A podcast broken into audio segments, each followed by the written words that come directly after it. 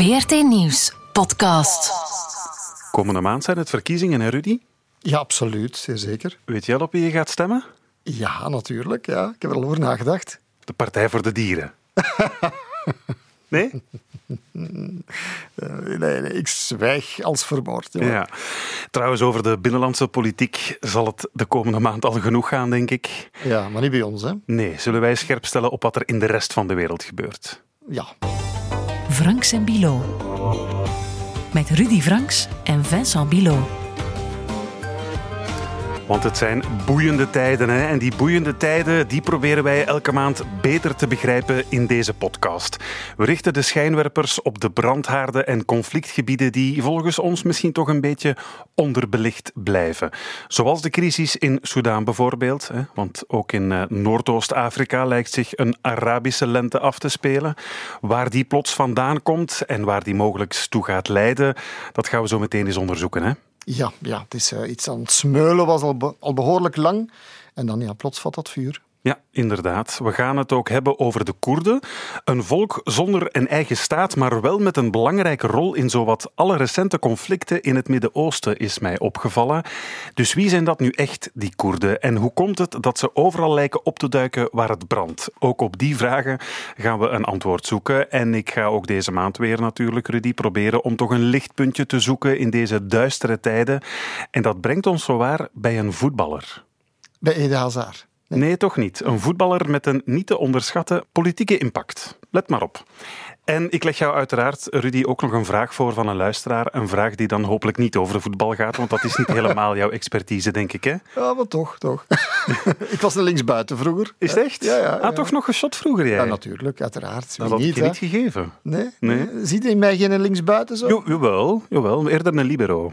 Ach, allee, kom aan. Ik ben een meter zeventig en ik weeg niet genoeg. Nee, nee, nee. nee. Dat moet een reuze zijn. Oké, daarover straks. Over voetbal veel meer. Maar eerst trekken we naar het derde grootste land van Afrika. Soms, Rudy, heb je toch visionaire gaven. Ik moet het zeggen zoals het is. Want toen wij een paar weken geleden de koppen bij elkaar staken om uh, ja, eens te bespreken waar we het in deze podcast zoal over konden hebben, zei jij meteen Soudaan. Daar is iets aan het broeien, maar het blijft onder de radar. Het haalt de media niet, maar daar staat iets te gebeuren. Ik voel het.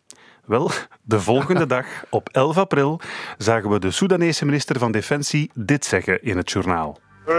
وعليه أعلن أنا وزير الدفاع رئيس اللجنة الأمنية العليا باقتلاع ذلك النظام والتحفظ على رأسه بعد اعتقاله في مكان آمن Ik vertaal even simultaan voor wie het niet helemaal begrepen heeft. Maar dus de chef van het leger die kondigde aan dat ze president al-Bashir en het hele Soedanese regime hadden afgezet. Nu, voor mij en voor de rest van de wereld kwam dat nieuws als een volslagen verrassing, maar jij had het dus zien aankomen. Ja, ik voelde het aan mijn water. Hè. Niet alleen dat, maar uh, zelfs al behoorlijk wat daarvoor was ik gecontacteerd door Soedanese vluchtelingen in België. Zo is het ook met de Tunesische opstand gegaan in 2011, hè, denk aan de Arabische revolutie. En die begon mij, net als toen, ook een Tunesiër, mij filmpjes te laten zien van wat er zich afspeelde in Soedan, in Khartoum, hoe die opstand verliep en dat er uh, het geweld dat gebruikt werd. En wij hadden geen flauw, geen flauw benul van hoe groot het was en, en hoe ernstig dit was. En toen dacht ik van ja, dit kan niet zo blijven duren. Dit gaat ontploffen. Ja. En ja, dus wij dachten, we moeten hier iets aan doen. Maar boom, het was al van dat. Hè. Ja, inderdaad. En we hadden het niet echt zien aankomen. Er was internationaal redelijk weinig aandacht voor. Maar het volk morde al een tijdje en dat ja, had denk ik alles te maken met de penibele levensomstandigheden op dit moment in Soudaan. Ja, in de eerste plaats, wij weten het niet vaak, omdat we niet binnen kunnen, niet binnen mogen. Het is altijd zo dat men het probeert wat af te schermen. Het is een, een gesloten regime. Maar het, het volk, en dat is echt wel zoals in Tunesië, zoals in heel die regio, brood, brood. Broodprotest, zo noemen ze het. Hè? Omdat letterlijk de prijs van het brood blijkbaar echt... Verdrievoudigt en dat is essentieel. Als je eigenlijk dat al het basisvoedsel is dat je nog hebt, brood en rijst of, of, of meel, als dat al zoveel ver, verdrievoudigt in prijs, ja, plots merk je dat je niet meer kan, je kan niet meer overleven. Punt. Mm -hmm. En dat heeft vaak te maken met dat de overheid um, de subsidies, de, de kraan dichtdraait, zodoende dat er geen... Ja, dat de broodprijs vanzelf stijgt, omdat de marktprijzen stijgen, om allerlei redenen, klimaat, whatever.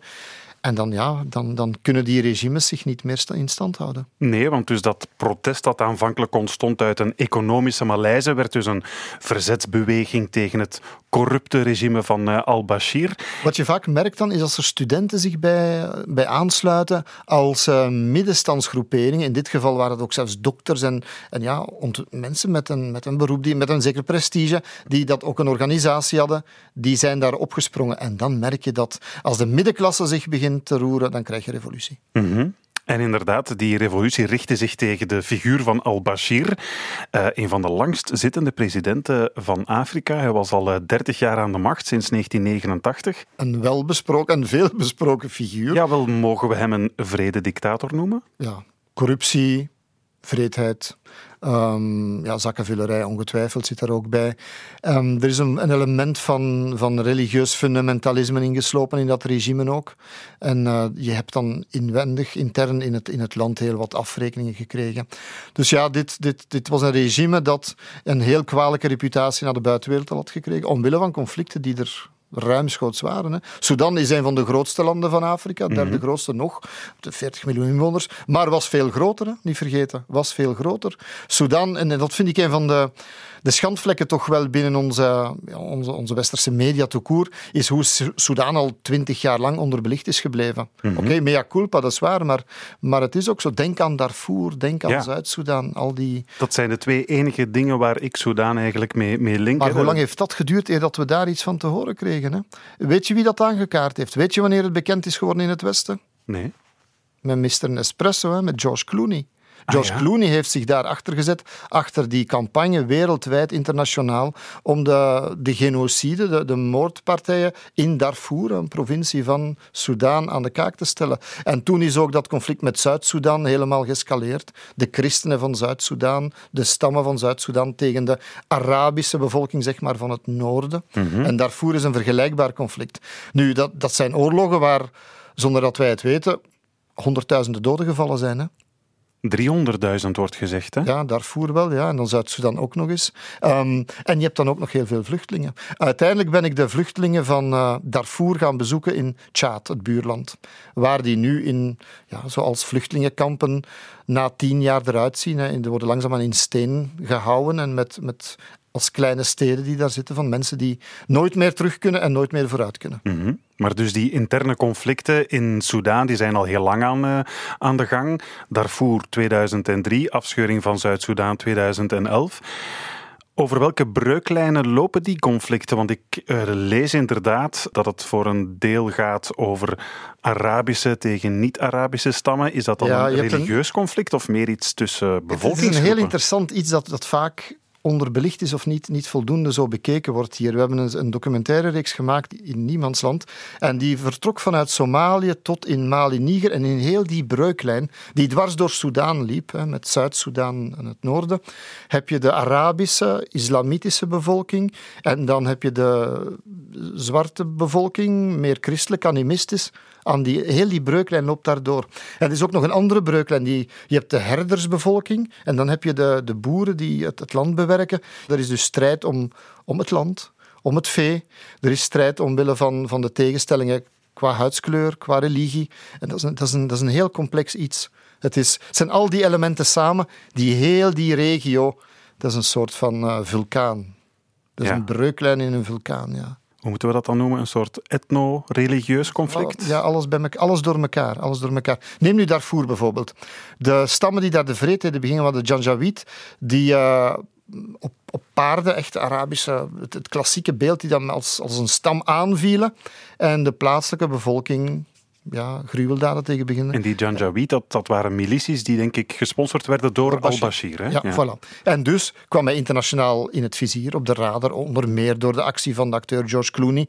En uh, is hij veroordeeld als enige, denk ik, zittende president toen, is hij veroordeeld in Den Haag voor mhm. genocide. En er werd een internationaal aanhoudingsbevel uitgeschreven en zo, wat nooit opgevolgd is, want hij is nooit gearresteerd. Mhm. En hij is blijven reizen in Afrika. Hij is mm naar Zuid-Afrika gegaan en, en in de Arabische wereld. Ja. Dus dat werd genegeerd. En die afscheuring van Zuid-Soedan, is dat ook iets dat we op zijn konto kunnen schrijven? Ja, ja, de tegenstelling wel. Ik bedoel, je hebt God, het heeft hem ook wel veel pijn gedaan natuurlijk, hè, want drie kwart van de olie is daardoor verloren gegaan. Zuid-Soedan is ook een rijk olieland geworden maar is zelf nu ook ten onder voor een deel gegaan aan interne tegenstellingen en stammetwisten. Maar voor een deel is dat ook het, hetzelfde verhaal als Darfur, ja, mm uiteraard. Ja. Het is um, ja, door al die interne conflicten natuurlijk wellicht ook dat de armoede zo is toegenomen uh, in uh, Soudaan. En um, ja, er zijn ook heel veel Soedanezen naar Europa gevlucht. Uh, ook in ons land hè, zien we heel veel uh, Soedanezen tussen de vluchtelingen die naar hier komen. Maar uh, lees ik, blijkbaar komen er vanuit Soedan ook heel veel andere nationaliteiten naar Europa. En is Soedan een soort van transitland? voor, um, voor vluchtelingen. Hoe, hoe is die situatie ja, ik heb, dat, ik heb dat proberen in kaart te brengen, omdat ik wel eens het plan had om, om proberen daar daar naartoe te trekken om te zien hoe het daar gaat. Je hebt daar, omdat je die Soedanezen ook had die vanuit België teruggestuurd zijn. Hè. Je hebt die hele politieke kwestie gehad in ons eigen land. Je hebt de transmigranten in Brussel, hè, die, die naar, ook Soedanezen. Maar je hebt veel Eritrea, Eritreërs uit, uit Eritrea, wat een buurland is van Soedan. Mhm. Die vluchten massaal naar daar. Eritrea is een van de meest uh, repressieve regimes op de planeet. Dus het kan nog erger dus, hè, dan Soedan. En dus die mensen vluchten naar Soedan, komen daar in kampen terecht, worden daar wordt vaak gezegd, ook nog eens brutaal behandeld en soms misbruikt. Waardoor je, en dan komen ze door Soudaan komen ze, en via de woestijn van Libië trekken ze naar de kusten van Libië. Heel dat traject wordt voor een deel beheerst ook door corruptie door smokkelroutes, mensensmokkelnetwerken, die zowel in Libië, waar ze dan alweer worden uitgeperst en, en, en, en, ja, en, en vaak gefolterd, om uiteindelijk aan de bootjes te geraken, waar weer een maffia is die hen dan naar Italië smokkelt, mhm. bijvoorbeeld. Ja. En ja, bon, dat is de, de beelden die we gezien hebben van mensen om tot daar te geraken is, is, is ongelooflijk. Ik heb Soedanezen ook gezien in Libië zelf, die aan het wachten waren. Sommige van die mensen die ik gesproken heb, hebben een traject van twee jaar gedaan. Hè. Twee jaar zijn die onderweg om te proberen te overleven, te ontsnappen, gefolterd te worden, um, geld bij te verdienen, om, behalve slavenarbeid, om uiteindelijk te vluchten. Mm Soudaan, Eritrea, uit Jemen komen ze zelfs, Somalië. Is een, ja, die hele corridor moet, moet opgekuist worden. Allee, mhm. Van criminele netwerken, ja. Mhm. En dat regime van Bashir zit daar natuurlijk, of die zat daar als een spin in het midden van het web. Die kreeg geld van Europa bijvoorbeeld, om uh, mee die, uh, die route af te sluiten, om, de, om dat, die migratiestromen mee te controleren. En ze hebben dat vroeger met Gaddafi gedaan, ook in Libië trouwens. Mhm. Nu deed men dat met Bashir in, in Sudan, terwijl die uiteindelijk toch wel gezocht was door het internationaal strafhof. Een heel een beetje schizofreen eigenlijk.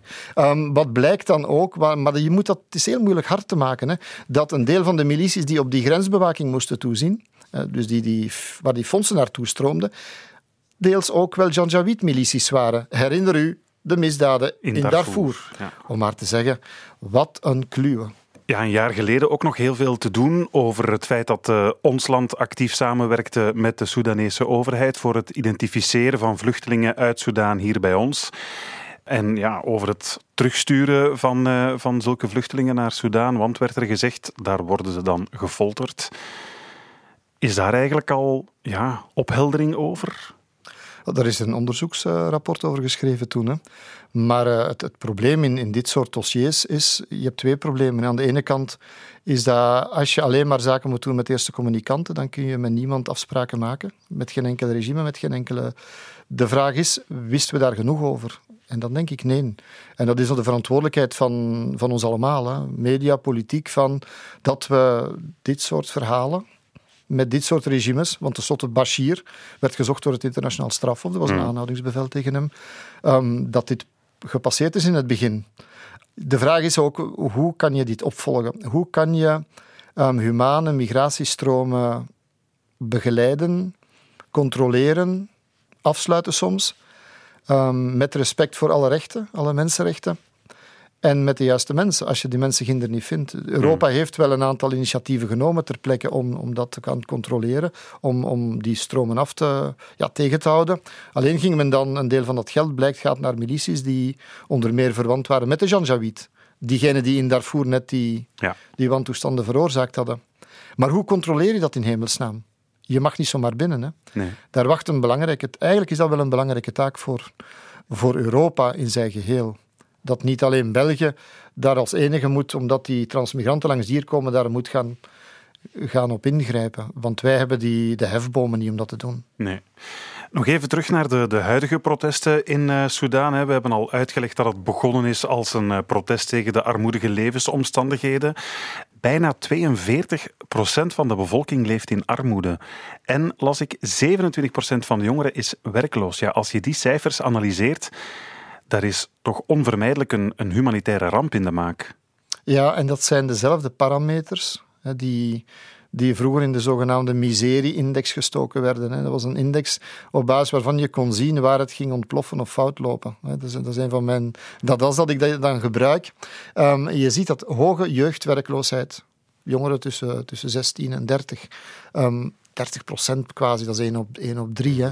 En, en dan nog bovendien in een bevolkingspyramide waar de, de jongeren zo'n groot deel van de, de totale bevolking uitmaken, zonder vooruitzichten. Mhm. Als je dan de broodprijs, want die werd er dan ook ingestoken, uh, maal 3 ziet gaan, inflatie 70 procent, waanzinnig, een van de hoogste. Ja. Ja, bon, dat, is, dat, is een, dat is een drukokpan, dat teksel vliegt eraf, vroeg of laat. Ja. Je kunt zeggen, armoede en massale werkloosheid, dat, dat krijg je in een land dat uh, jarenlang geteisterd is door interne conflicten. Maar uh, ja, de bevolking wijst dus in de eerste plaats naar het regime en uh, de corruptie die in Soudaan welig tiert. Hoe, hoe, manifesteert zich die corruptie eigenlijk? Hoe moeten we ons dat inbeelden? Op welke manier heeft Bashir dat land eigenlijk in zijn greep gehouden, 30 jaar lang? Ja, ik ben er niet naartoe kunnen gaan, nog niet, maar um, corruptie werkt altijd op dezelfde manier. Je krijgt niks gedaan zonder dat je of iemand kent of, of geld geld moet uh, gebruiken daarvoor. Ja, maar dat is, een, dat is een vorm van corruptie die je ziet van, van, van Soudaan via Libië tot, tot e Egypte, Jemen, Irak en Syrië. De hele regio wordt op dezelfde manier aangevreten. Mm -hmm. En als je dan ook nog bovendien met een militaire sterke macht zit en veiligheidsdiensten, vooral veiligheidsdiensten, die die macht ondersteunen en dus iedereen met repressie en foltering enzovoort behandelen, ja, dan rest er voor velen. En wegvluchten. En dat is wat je ziet. Hè. Mhm. Als er grote stromen zijn van jongeren die op pad gaan door de woestijn en alle onheil willen trotseren, dan vluchten ze voor iets. Hè. Ja. En dus dat soort regimes in stand houden of niet aan, zelf niet kunnen aanpakken. Maar ja, we zijn ook de politieman van de wereld niet, niet kunnen aanpakken, maakt dat dit soort migratiestromen er ook zal zijn hè, ja. en blijven. Ja. Is dit nu de Arabische lente van Soudaan? Als je naar die parameters kijkt van jeugdwerkloosheid enzovoort, ja. Het is dezelfde basisfenomenen op basis waarvan um, de opstanden in Tunesië, Egypte enzovoort. Met corrupte, dictatoriale leiders, geen uitzicht op verandering. Um, een interessant weetje eigenlijk is wel dat uh, het is in Tunesië begonnen met het protest van Bouazizi, die zichzelf in brand gestoken had. Je hebt copycats gehad. Je hebt tientallen gehad in heel die Arabische, waar dat zich verspreid heeft, Arabische lente, van mensen die zich ook in brand hebben gestoken om, als protest. Ook in Sudan. Ook in Sudan is dat gebeurd, um, een paar maand, anderhalve maand na Bouazizi in Tunesië. Alleen heeft dat toen minder aandacht gekregen, omdat ja, het was een wat een vergeten land. Mm En ook um, al-Bashir heeft gezegd dat hij niet meer zou opkomen bij de volgende verkiezingen. En die had toen de onafhankelijkheid van Zuid-Soedan, een groot nationaal trauma, waardoor die opstand weggeëpt is, blijven sluimeren is en eigenlijk wat, wat, wat vergeten is. Maar, als je, maar je ziet, hè, als de basisvoorwaarden vervuld zijn, komt het terug. Het komt altijd terug. Het is uh, heviger opgeflakkerd dan ooit. En wat ook opvalt eigenlijk tijdens die protesten, is dat vrouwen toch uh, in Soudaan het voortouw lijken te nemen. Op beelden van de protesten zie je eigenlijk meer vrouwen dan mannen. Dat valt echt op. Volgens cijfers van de BBC zijn 70% van de protestanten vrouwen. Die dus vooral ook ijveren voor meer vrouwenrechten. This revolution helped a lot the women as they've been struggling from day one to have a, to have a, a say in, in the community, in the society, in the government. Women are seeking to obtain their rights. These protests and revolution have shown that women are strong enough to fight, to speak up, and to show their voices. Ja, vrouwen hebben in uh, Soudaan wellicht het meeste te lijden, want bovenop de armoede en de werkloosheid worden ze ook nog eens ja, uh, schaamteloos onderdrukt door de sharia-wetten. Dus is dit ook een opstand toch een beetje tegen de Mannelijke extreem, patriarchaat ja, en, en, het, en het extreem islamitische patriarchaat, ja? Ja, tuurlijk. Ja. Van Bashir wordt gezegd dat hij ook de polygamie, de meerwijverij, ehm, propageerde. Dus, dus ja, ja, en ze hebben ook, door die wetten hebben ze ook veel, veel minder recht in zaken echtscheiding, al, al het familierecht en zo, zijn ze tweederangs. Hè? Dus ja, ja, uiteraard, uiteraard. En ook um, geweld tegen vrouwen, zelfs verkrachtingen tegen vrouwen, werd veel minder uh, bestraft en, en, en aangepakt. Dit is zeer zeker ook een een opstand van vrouwen of een verzet van vrouwen in die stroom van dat algemene verzet van die middenklasse en die studenten tegen dat soort bewind. Mhm. De vraag is, als dit. Nu ga, heb je eigenlijk een generaal die de macht heeft overgenomen, die minister van Defensie, die de Bashir heeft afgezet, die moest zelf ook al na een dag opstappen. En nu is een andere generaal, Borhan, die, die de macht heeft. Maar die blijft wel zich. Het leger blijft zich aan de macht vastklampen, lijkt mij, heeft de sleutel in handen. En de vraag is, als het politieke spel zich gaat ontwikkelen, gaan de vrouwen niet alweer vergeten worden? Want vaak het probleem met vrouwenonderdrukking is dat het zo diep geworteld zit is dat het zo diep in die fundamenten van een patriarchale samenleving zit. Mhm. En het, het, het, risico is natuurlijk dat die vrouwen alweer vergeten gaan worden. Hè. Ik moet, als ik het over meisjes en vrouwen heb, die waren ook belangrijk in, de, in Tahrir, in, in Cairo hoor, en in, in Tunesië bij de opstand, bij die Arabische opstanden. Alleen zie je dat dat, ja, wordt dat vergeten wordt. En je hebt ook die schandalen op Tahrirplein gehad, hè, van vrouwen die zelfs daar nog ja, aangerand werden. Juist, ja, ja. dus, dus je hebt een, uh, er, is een, er, is een, er is een groot probleem. En uh, de Arabische intellectuelen zien dat al lang in hoor, want ze hebben al lang rapporten geschreven, al twintig jaar geleden, over dat 50% van hun samenleving niet gedynamiseerd wordt, niet gebruikt wordt, geen kansen heeft, waardoor ze eigenlijk ja, 50% van hun potentieel niet gebruiken. Hè? Mm -hmm. Waardoor die samenleving zou veel verder kunnen staan dankzij die vrouwen. Mm -hmm. voilà.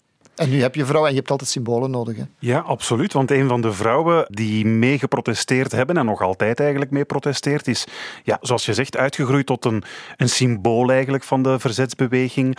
Allah Salah, als ik dat helemaal juist uitspreek. Uh, de jonge vrouw met de opvallende oorbellen, die uh, al zingend hele menigtes opzweepte en die de voorbije maand ja, echt viraal gegaan is op het internet. Hè.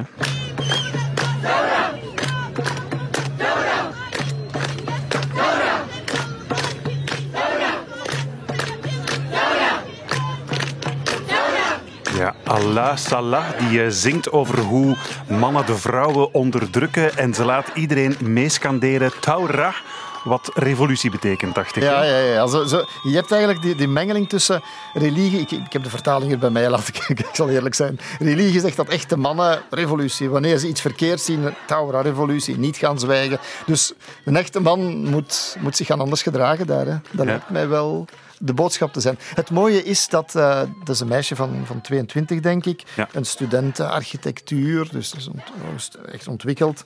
En die daar wordt afgebeeld in haar wit kleed als een Nubische koningin, zo, de Nubiërs, dat waren de Soedanezen. Het mooie is dat zij een symbool wordt, terwijl het symbool op Tahrirplein, herinner ik mij, um, in Cairo, was Nawal al-Sadawi. Dat was een stokoude schrijfster van in de 70, 80 jaar, die daar op een stoeltje zat, elke dag in het midden van het plein. En hier heb je een jonge Nubische koningin, bij manier van spreken, die het, mhm. het, volk opzweept. Vrouwen van jong tot oud, ja. Ja, ze wordt wel eens het vrijheidsbeeld van Soudaan genoemd, hè? Ja, ja, nu weet je, je moet ook opletten dat we media maken en breken symbolen. Hè. Ja, ja. Wij hadden, allee, het wordt een symbool daar. De vraag is of het kan blijven bestaan en of zij niet de prijs gaat betalen in haar eigen leven. Ik heb in Egypte ook vrouwen geweten die in opstand kwamen en die een symbool werden later, omdat ze omdat ze de repressie gevoeld hebben natuurlijk. Ja, maar dat vind ik er nu net zo opvallend aan, dat de bevolkingsgroep die het meest gediscrimineerd wordt en eigenlijk het minst recht heeft om uh, zijn, of in dit geval haar mond uh, open te doen, dat die zich nu het luidste roeren. Dat, dat getuigt toch van ongelooflijk veel moed, maar toch duidelijk ook wel van een soort urgentie. Uh, ze moeten toch echt voelen van, hier moet nu iets gaan veranderen, of anders gaan we nooit iets te zeggen krijgen in deze maatschappij. En misschien de hoop dat het nu fundamenteler zal zijn, die veranderingen. Hmm. Met een beetje cosmetica en wat een nieuw regime en binnen twee jaar misschien verkiezingen zal voor deze vrouwen niet volstaan, lijkt me. Nee, maar denk je toch niet te min, hè? als je zelf zegt van het was al zo op Tahrir en ik heb het ook in Tunesië gezien en in andere landen, zal de grote Arabische revolutie misschien toch niet van de vrouwen komen? op langere termijn wel, uiteraard. Dat denk ik wel. Uiteraard. Als je daar iets fundamenteel wil veranderen, ook in de verhouding tussen religie en, en samenleving en staat, dan zal het van de vrouwen moeten komen. Ja. Als we iets positiefs zochten, dat is dan toch nu al. Hè? Ja, absoluut. Ja, heel snel nu. Uh, het leger heeft nu beloofd om op middellange termijn dan een civiele regering op de been te brengen. Hoe zie jij deze beweging nog uh, evolueren? Oh, het leger doet hetzelfde wat het Egyptische leger gedaan heeft. Alleen het Egyptische leger heeft eerst die verkiezingen toegelaten en dan hebben ze de macht gepakt, al Sisi. In ja. Soudaan proberen ze nu al op voorhand te anticiperen. We hebben de macht en we gaan heel omzichtig omspringen met hoe we het over zullen dragen. De Soedanese betogers spelen het slim. In die zin dat ze, ze willen geen buitenlandse interventie, lijkt mij. Ik weet ook niet dat ze de contacten hebben. Niet zoals in Libië, hè, dat het Westen ingegrepen heeft, of in Syrië en Jemen en al die dingen. Want anders dan gaat het naar de verdoemenis. Mm want dan wordt er, komt er een, de wereldpolitiek moeit er zich mee en je hebt de verstrijdende partijen en zo. Maar aan de andere kant weten ze dat het leger de sleutel in handen heeft. En ik denk dat ze heel omzichtig gaan proberen om te springen en de druk op het leger gaan houden om een deel van het leger tot hun vriend te maken. Dat was ook in Egypte in het begin de, de, de bedoeling hoor. In de hoop dat het, uh, dat het werkt en dat het leger hun kant meekiest. Alleen, en dat zou een, een, analyse in de diepte moeten nog komen, hè. in Egypte bezat het leger twee derde, meer dan de helft van alle economische troeven. Hotels, fabrieken, alles. Dus de macht die ze en het belang dat ze zouden kunnen kwijtspelen was zo groot in Egypte mm. dat het leger gedoemd was om toch in te grijpen. Ja. Ik weet niet hoe ver de invloed en het macht in de economie in Soudaan gaat. Als het tot de klik van Bashir was beperkt, dan zou het wel eens kunnen dat ze die klik opzij schuiven. Ja. Als ze er zelf te veel uh, hun handen in de pot hebben zitten, dan, dan lukt het niet. Nee. Maar er is dus toch al een omwenteling in gang gezet, mede door Allah Salah. En dan, Rudy, van de ene Salah naar een andere Salah, met name Mo Salah. De voetballer, jawel. En dat heeft alles te maken met een cijfer dat ik afgelopen maand ben tegengekomen. Een getal apart. Want elke maand neem ik hier dus letterlijk een getal apart. Schuif ik even een cijfer naar voren waaruit de wereld een beetje hoop en moed kan putten. En deze maand kwam ik dus dat cijfer tegen in Time magazine. Want Time heeft Mohamed Salah dit jaar opgenomen in zijn lijst van 100 meest invloedrijke figuren ter wereld. En het heeft Mo Salah zelfs op de cover gezet.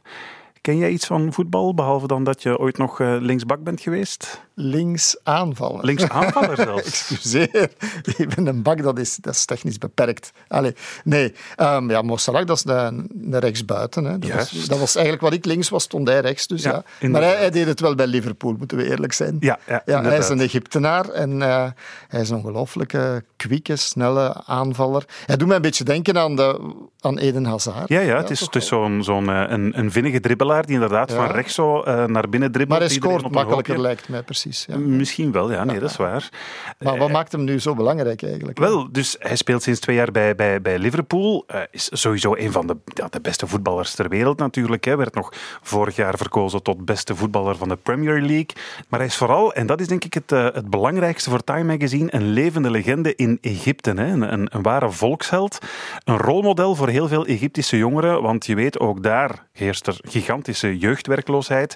En hij is dus een beetje symbool geworden voor hoe jongeren zich toch uh, ja, uit de miserie kunnen, kunnen werken, uh, kunnen opklimmen tot zelfs ja, een van de beste voetballers ter wereld. Een rolmodel in een land dat kreunt onder de jeugdwerkloosheid. Ja, maar bedoel, je hebt altijd al rolmodellen gehad. Je hebt Drogba gehad in Zwart-Afrika. Je hebt uiteraard in die wereld.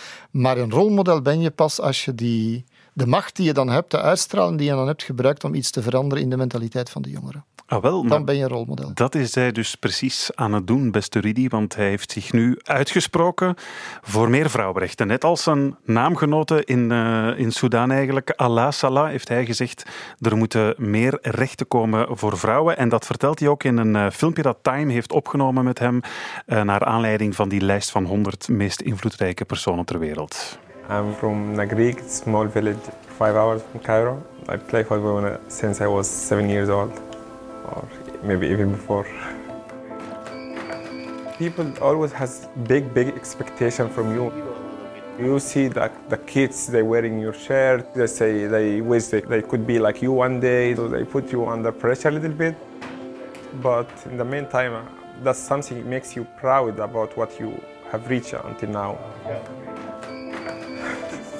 We need to change the way we treat the woman in our culture. I support the woman more than I did before because I feel like she deserves more than what they give her now at the moment. That has to be. It's not optional.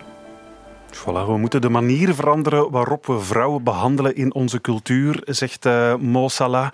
Ik steun de vrouw meer dan voorheen, omdat ik het gevoel heb dat de vrouw meer verdient dan wat ze nu krijgt. Dus hij gebruikt toch zijn status als een van de grootste voetballers ter wereld om toch te proberen in die Arabische cultuur een, uh, ja, een inzicht te doen, ingang vinden dat er misschien nog niet altijd is. Ja, heel mooi wat hij doet, maar ik heb niet het woord religie gehoord. Dat is een hete aardappel die hij toch omschrijft. Hij is een vrome moslim, want hij doet bijvoorbeeld ook mee aan de, aan de Ramadan. Zelfs als hij een finale van de Champions League moet spelen, dan uh, doet hij toch flink mee met het, uh, met het vasten. Maar hij, ja, hij pleit ook voor een gematigde islam. Maar zou hij durven zeggen, publiek, van... Kijk, dat heeft uh, Allah en Mohammed hebben ze niet gezegd of niet gewild? Dat weet ik niet. Of dat, dat, dat, dat Misschien moeten we dat interview nog eens over gaan doen. maar ja, hij probeert toch al een klein beetje een soort maatschappelijke relevante rol op te nemen. Nu ben ik spijkers op laag water aan het zoeken. ik weet het, maar ik ga toch nog even meegeven wat ik toch heel straf vind. Bijvoorbeeld bij de, bij de laatste verkiezingen in, um, in maart vorig jaar in Egypte hebben heel veel, wat zeg ik, heel veel, meer dan een miljoen Egyptenaren de namen van de twee kandidaten op het stemformulier geschrapt. Dus ze, ze zetten een kruis over de naam van president al-Sisi en uh, over die van zijn uitdager uh, Mustafa, geloof ik was dat toen. En ze schreven in de plaats de naam van Mo Salah. Dat wil toch wel wat zeggen, hè? Ja, dus hij maakt een kans. Misschien wel, ooit, na zijn ja. carrière. Ja, dat zou nog eens wat zijn. President Mo Salah. President Mo Salah, ja, dat zegt wel iets. Ja, ja. Ik heb die, uh, Gabriel, uh, hoe heet die daar, die, die, die loper, die uh, Olympische kampioen. Selassie. Selassie, ja, in Ethiopië ooit is gesproken. En die ging ook in de politiek gaan. Ook met zijn populariteit daar. Ja. Ja, en Serge Boepka heeft dat toch ook eens gedaan, hè? Ja, ja juist. En Gella van de Cavaille bij ons, hè? nee, nee, nee, dat was niet Gella van de Cavaille, dat was Ulla Werbroek. Ah ja, het was juist Ulla Werbroek bij, ja, bij, uh, bij Leicester. Dat zou je niet denken, hè? Sport, nee, nee, ja, ik inderdaad. Wel, je kent er meer van dan ik dacht. Uh, uh. Nu iets helemaal anders, Rudy. Ik wil het graag eens hebben over een uh, bijzonder intrigerend volk. Een volk dat al decennia lang bij ongeveer elk conflict in het Midden-Oosten wel een rol lijkt te spelen, maar waarover we eigenlijk niet zo heel veel weten. Mark Wilmots ook nog, hè? Senator geweest. Echt? Ja, ja, ja. ja. Maar allee, wat een sportkenner ben je. Ja, ja. Je blijft me verbazen. Maar goed, we gingen het over iets anders hebben. Iets anders. Franks en Bilo. De Koerden dus. Een staatloos volk worden ze wel eens genoemd, want ze leven verspreid over een handvol landen in het Midden-Oosten zonder dat ze een eigen staat hebben. Maar hun naam duikt dus wel in bijna elk conflict in de regio wel eens op. Recent hebben ze nog een grote rol gespeeld in de strijd tegen IS in Irak en Syrië. Maar wie zijn dat nu echt, die Koerden? Dat is de vraag waarop ik nu toch eens graag voor eens en voor altijd een antwoord zou krijgen. En daarom hebben we er iemand bij gehaald. Uh, persoonlijk ken ik maar één Koert, en dat is Koert van Egem. Maar die vond jij niet relevant, Rudy, om over deze kwestie te praten? Nee, ik ken vele Koerden. ik woon in Leuven en ik heb daar, uh, daar zijn heel veel Koerden, al, al heel lang. En um, ik kwam voor het eerst in contact met de Koerden al heel snel toen ik deze, deze job deed. Met de Golfoorlog in 2000, nee, 1990, 1991. Ja. En een van de eerste dingen die mij zo verschrikkelijk gepakt heeft toen, was um, toen na de, na de nederlaag van Saddam Hussein de opstand van de Koerden gekregen. En de Koerden trokken massaal met honderdduizenden weg over de bergen richting Turkije en richting uh, Iran. En je ziet dan voor het eerst met je eigen ogen hoe om de 10 meter elke nacht iemand sterft. En dat, dat, was zo, zo verschrikkelijk. Die beelden die, die hebben mij toen zo, zo aangegrepen. Ik dacht van, ja, wie zijn die Koerden? En dan begin je daar meer over. Ja, het grootste volk zonder land, eigenlijk, Mhm. zegt men dan. Ja. En de enige vrienden die ze hebben zijn de bergen. Dat is zo'n mooie spreuk van hen, onze enige vriend. No friends but the mountains. En dacht, ja, wie kan me daar meer over vertellen? En ik kwam automatisch bij Ferro Derwish terecht, van het Koerdisch Instituut in Brussel. Dag Ferro Derwish. Voilà, en hij is hier nu. Ik ken hem dus al heel lang. Ja, en ik weet nog dat uh, voor uw programma, in, het was in 91 of 92, dat ik uh, enkele uh, beelden vertaald heb. Ja, ongetwijfeld. Ja. We hebben hem altijd als zoiets niet verstonden van Koerdisch, dus eigenlijk altijd. You go way back, eigenlijk. Yes, yes. Ja. Vele, koffies, vele koffies gedronken en over politiek gepraat. ja, ja, ja.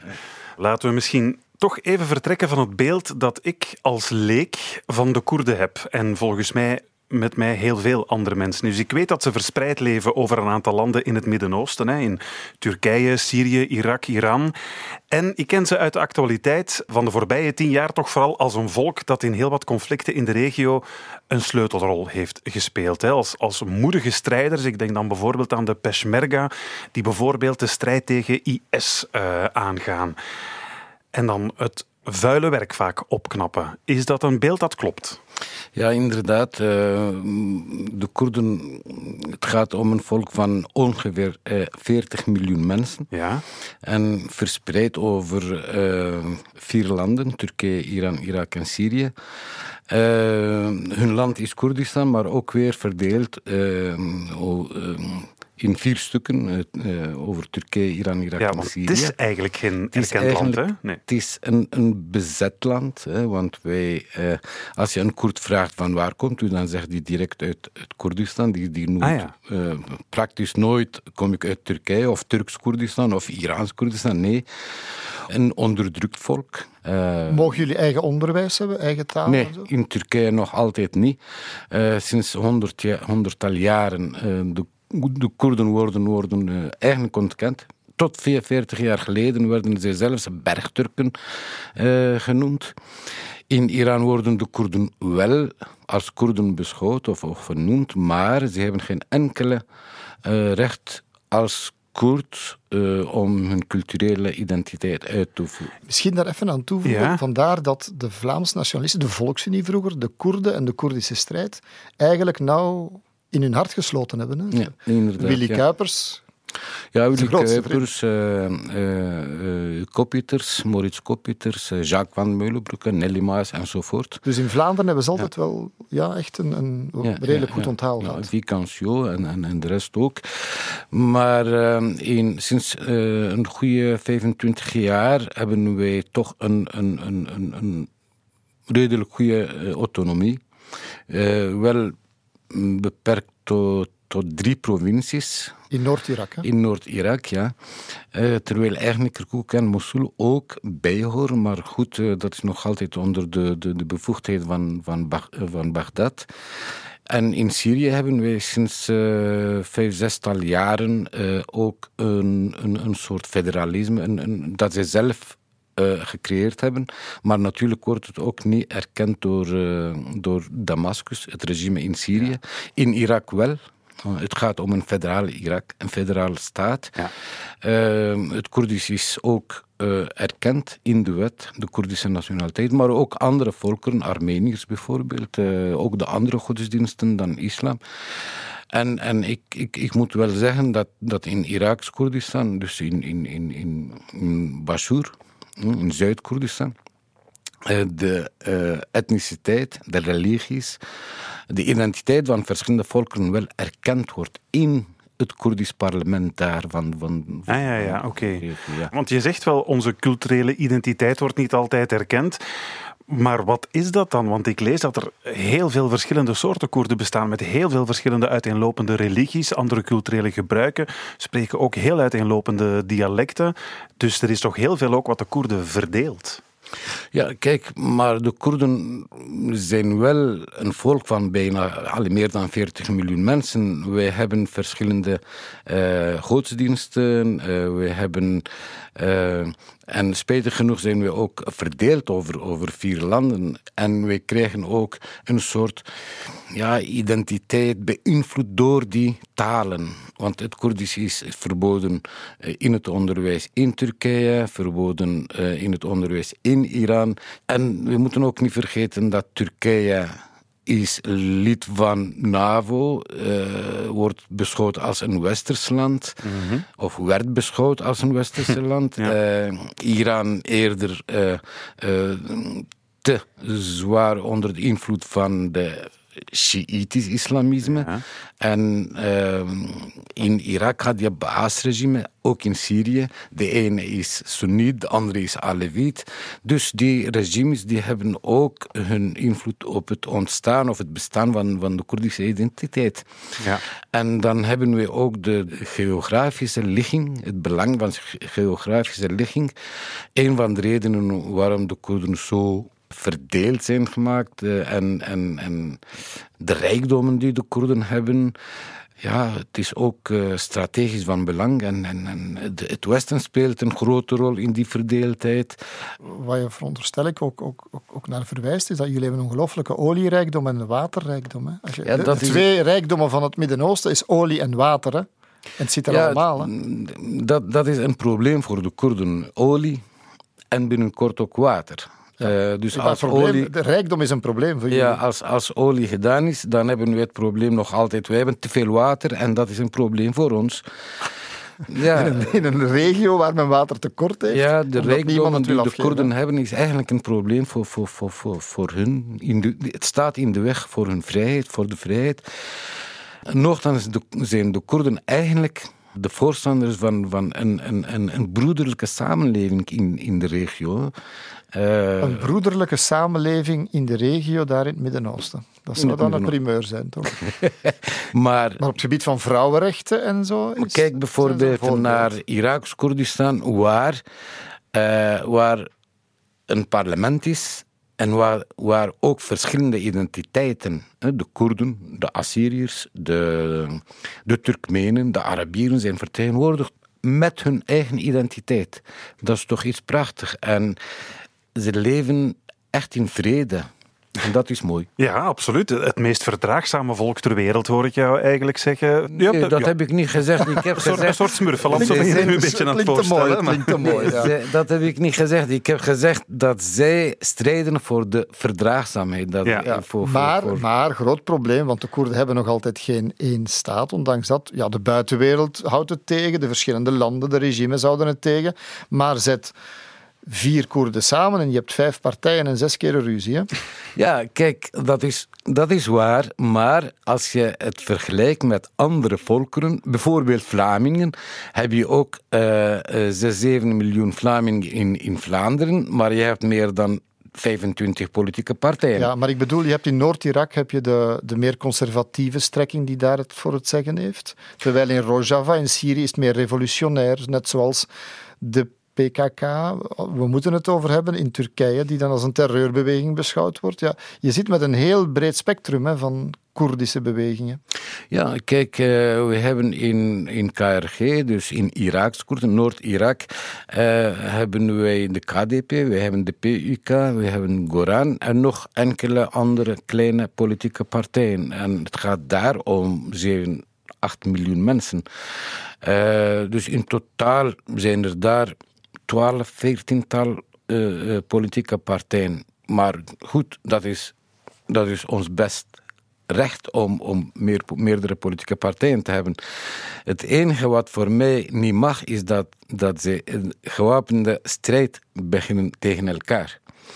Maar dat, dat we meerdere partijen hebben, vind ik wel heel goed. Ik ben voorstander van, van meer kleuren, maar eh, één geheel. Waarom komt die staat er niet? Het is niet alleen omdat de Koerden ver- verdeeld zijn en dat we geen staat hebben. Eh, Ik denk niet dat we meer verdeeld zijn dan bijvoorbeeld andere landen, en bepaalde Arabische landen. Ze wisten niet eens wat een staat is. Maar door de Engelsen, door de Amerikanen, door de, eh, door de, de Fransen zijn daar wel staten eh, gecreëerd. Dus moeten de Koerden lijn- een staat krijgen van de Amerikanen? Nee, dat zeg ik niet. Nee, nee, maar ik wil maar zeggen, jullie hebben gevochten, hè, want dat is het toch. Wij kennen jullie van te vechten tegen Saddam Hussein, van te vechten tegen IS, van het vuil werk op te knappen. Inderdaad, ook tegen het... En dan, nu zit je daar met lege toch, handen. Toch, ook tegen het regime van de mullahs in Ja. Iran hebben we een, een, een grote strijd gevoerd. En toch, toch gunt de rest van de wereld jullie die staat niet. Nee, dat is het probleem. Eh Mullah Mustafa Barzani heeft ooit gezegd... één liter olie weegt zwaarder dan duizend kilo gerechtigheid. Dat is Dat is, dat is, dat is een, een, een, een, een heel bekende spreekwoord van Mullah Dus om de olie te doen. Het, het heeft te maken met olie, met de strategische ligging, met, met de geografie waarin de Koerden leven. We hebben niet alleen olie als rijkdom, maar ook bijvoorbeeld landbouw. In, in, in landbouw zijn we heel, heel rijk. Eh, we hebben andere grondstoffen. Eh, Ondergrondse stoffen. Eh, water speelt een zeer grote rol. Eh, we leven ook in een wereld waar te veel dictators zijn. Kijk naar het Midden-Oosten. De huidige oorlogen spelen zich allemaal in het Midden-Oosten, waar de islam is. De islam is zelf een, een, probleem voor de, de, de, de regio aan het worden. ik, ik, ik, ik wil mij hier niet uitspreken tegen de islam, nee. Maar spijtig genoeg zien we niet niets anders dan de, de oorlog in die islamitische wereld. En dat de meeste Koerden zijn ook moslims, hè? Ja, je kunt het zeggen dat we met meer dan 55, 60 procent van mensen islamitisch zijn. Maar we hebben ook christenen, we hebben ook jezidis, we hebben Zoroastrianen, we hebben Kakais, we hebben jezidis, we hebben uh, Alevis. We hebben, het is ook een van de, de, de, de rijkste land met heel veel godsdiensten. Ik bedoel, het is een rijkdom. Uh, waarin we leven. Uh, we hebben een mooi land maar ook, we hebben een, een, een, een, een mozaïek van volkeren, een mozaïek van, van, van godsdiensten, culturen. Dat is echt een, een, een, mooi land, een mooie streek, maar spijtig genoeg met, uh, met uh, uh, dictators aan de macht. Ja, jullie zitten in een heel instabiele regio, laten we het daar maar op houden. En ja, Rudy alludeerde er al op. Jullie hebben al in heel veel oorlogen meegevochten. Denk maar aan de Golfoorlog. Recent ook nog een heel belangrijke rol gespeeld in de strijd tegen IS. Dat fascineert mij dan wel. Uh, is dat iets waar jullie zich dan bewust mee moeien? Of raken jullie daar wel eens eens bij betrokken bij die conflicten? Ja, inderdaad. Kijk, de, de, de Koerden zijn een strijdend volk voor vrijheid. Zij willen koste wat het kost, de vrijheid hebben. En sinds honderdtal jaren vechten de Koerden voor die vrijheid. Hm? Sinds 1918, 19 strijden de Koerden voor de vrijheid. Uh, we hebben heel veel opstanden gehad tegen verschillende staten, Turkije, Iran, Irak en Syrië. Mhm. Maar ook heel recent hebben wij ons bewezen uh, echt een strijdend volk zijn voor de vrijheid. En we hebben een, een, een, een heel eh, grote strijd gevoerd tegen de IS. Een, een radicale moslim, een, een radicale groep, een radicaal leger, die eigenlijk ergens naartoe kwam en, en de legers van de staten wegliepen van, van, van schrik. Ja. In Irak hebben we het meegemaakt, in Syrië hebben we het meegemaakt. Wij hebben bewezen dat, dat, dat, dat wij een volk zijn met, met echt wil om, om, om te gaan vrijheid Ja, maar jullie zijn dus wel voornamelijk in actie geschoten om het, om het eigen grondgebied, de eigen Koerdistan dan uh, te verdedigen. Niet zozeer omdat jullie maar voor ook Syrië of Irak mee, mee te bevrijden. Bijvoorbeeld Assyriërs, bijvoorbeeld Jezidis, bijvoorbeeld de, de christenen daar in de regio zijn ook uh, verdedigd en in bescherming genomen door de Koerdische strijders, Peshmergas. Een leger van de Koerden uh, bestaande van, van, van jongens en meisjes. Daar hebben we ook bewezen dat wij ook een modelmaatschappij kunnen creëren. De twee leiders van dat leger, dat is een man en een vrouw. Dus 50-50. Ja, ja. Maar ook in andere ja, directies heb je altijd een man en een vrouw. Altijd. Uh, in scholen ook. Bijvoorbeeld een directeur, maar ook een directrice. Uh, je hebt een, een, een, een chefcommandant, een man, maar ook een vrouw. Dat is een betere verdeling dan bij onze nationale bank, om maar iets te zeggen. In het, in het parlement heb je ook in die medlis van de Koerden in, in Rojava heb je bijvoorbeeld 50% mannen, maar 50% vrouwen. Ja, al in heel veel conflicten een handje toegestoken, zullen we maar zeggen, de Koerden, maar nooit beloond door het Westen, laat staan met een, eh, met een eigen staat. Ja, dat gebrek aan steun vanuit het Westen verklaart dat ook waarom ja, Koerden door bepaalde regimes in de regio ook ja, bijna vervolgd worden. Hè. Bijvoorbeeld in Turkije, waar jij uh, oorspronkelijk vandaan komt. Daar is bijvoorbeeld Erdogan zijn retoriek tegen de Koerden ook ja, fors aan het opvoeren. Hè. Ik wil wel zeggen dat, dat meneer Erdogan in 2002 in de grootste stad van de Koerden in Diyarbakir voor enkele honderden duizend mensen verklaard heeft de Koerdische kwestie is mijn probleem. De Koerdische problematiek is mijn probleem. En ik ga samen met, met de Koerden uh, dit probleem oplossen. Mm -hmm. En dat heeft gezorgd dat heel veel Koerden heel veel hoop hadden op zijn uitspraak. Maar enkele jaren later hebben we gezien dat hij uit was, gewoonweg om wat meer macht aan zich toe te trekken. En we hebben dan ook gezien, nadat uh, hij de volledige macht had in Turkije, uh, al zijn, zijn beloftes vergeten heeft. En, en zelfs begon met, uh, met echt zeer gevaarlijke zaken te doen, dingen Ja, te doen. absoluut. Bijvoorbeeld eh, de Koerdische parlementsleden in de gevangenissen te stoppen. Duizenden eh, andere militanten van de HDP, van DP, Ja. van de DEP of de, eh. Maar, Derwish, je moet toegeven, ze staan... Allee, er is het verwijt dat de PKK de gewapende strijd gevoerd heeft en dat er daar vele tienduizenden doden bij gevallen zijn. Dus dat de PKK als een terreurbeweging geboekstaafd stond. Ja, Met Öcalan, hun leider. Ja, maar kijk, de PKK die heeft de wapens genomen in, in, in, in de jaren 80, namelijk 84, door het feit dat de Turkse autoriteiten nooit bereid waren via dialoog een oplossing te gaan hebben. Nooit. Die hebben nooit de Koerden erkend. En telkens als de Koerden eh, bezig waren over de fundamentele rechten van dat volk, dan was het ofwel de gevangenis ofwel eh, eh, eh, moord. Maar, wordt nu het, maar dat is dan de discussie van het kip of het ei. Maar wat is, wat is nu? Wordt geweld afgezworen? Is er geen geweld? De PKK heeft tot elf keer toe staakt het vuren aangekondigd, eenzijdige staakt het vuren, tot elf keer.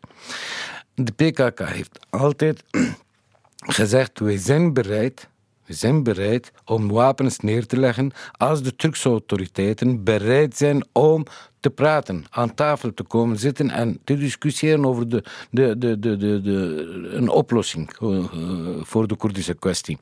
Maar van de tegenpartij komt er wel geen enkele eh, voorstel. Ze zetten geen enkele stap. Voor hen zijn de Koerden eigenlijk niet van, niet van belang. Eh, de Koerden moeten niet komen en, en vragen onze rechten. Nee.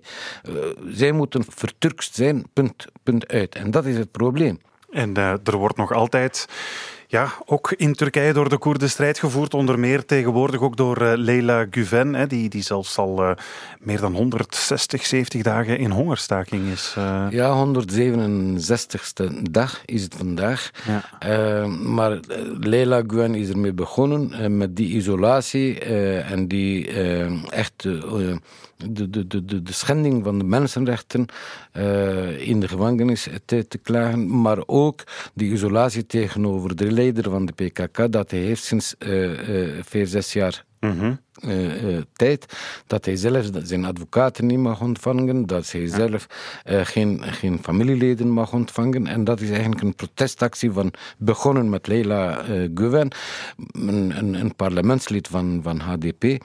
Maar je hebt dan ook bijna 7000 andere mensen die in hongerstaking zijn nu. In heel Turkije, in heel Koerdistan, in de gevangenissen, maar ook in Europa. En, en, en toch zwijgt, zwijgt heel de wereld als ik weet niet wat. Dus, eh, er zijn echt geen reacties. eh, de Europese de gemeente Unie zwijgt maar langs alle kanten. Eh, ik vrees dat er... Er zijn al vijf doden gevallen. Ik vrees dat er nog meer doden gaan vallen als er niet gereageerd, wo- gereageerd wordt door de Europese Unie, maar ook de rest van de wereld. Ja, maar in ieder geval, als ik het zo allemaal hoor, eh, met z'n duizenden tegelijkertijd in hongerstaking gaan, allerlei oorlogen beslechten, het zijn doorzetters, de Koerden, dat kunnen we wel zeggen. Eh, heel erg bedankt om eh, wat uitleg te komen geven daarover, Derwish Ferro. Graag gedaan.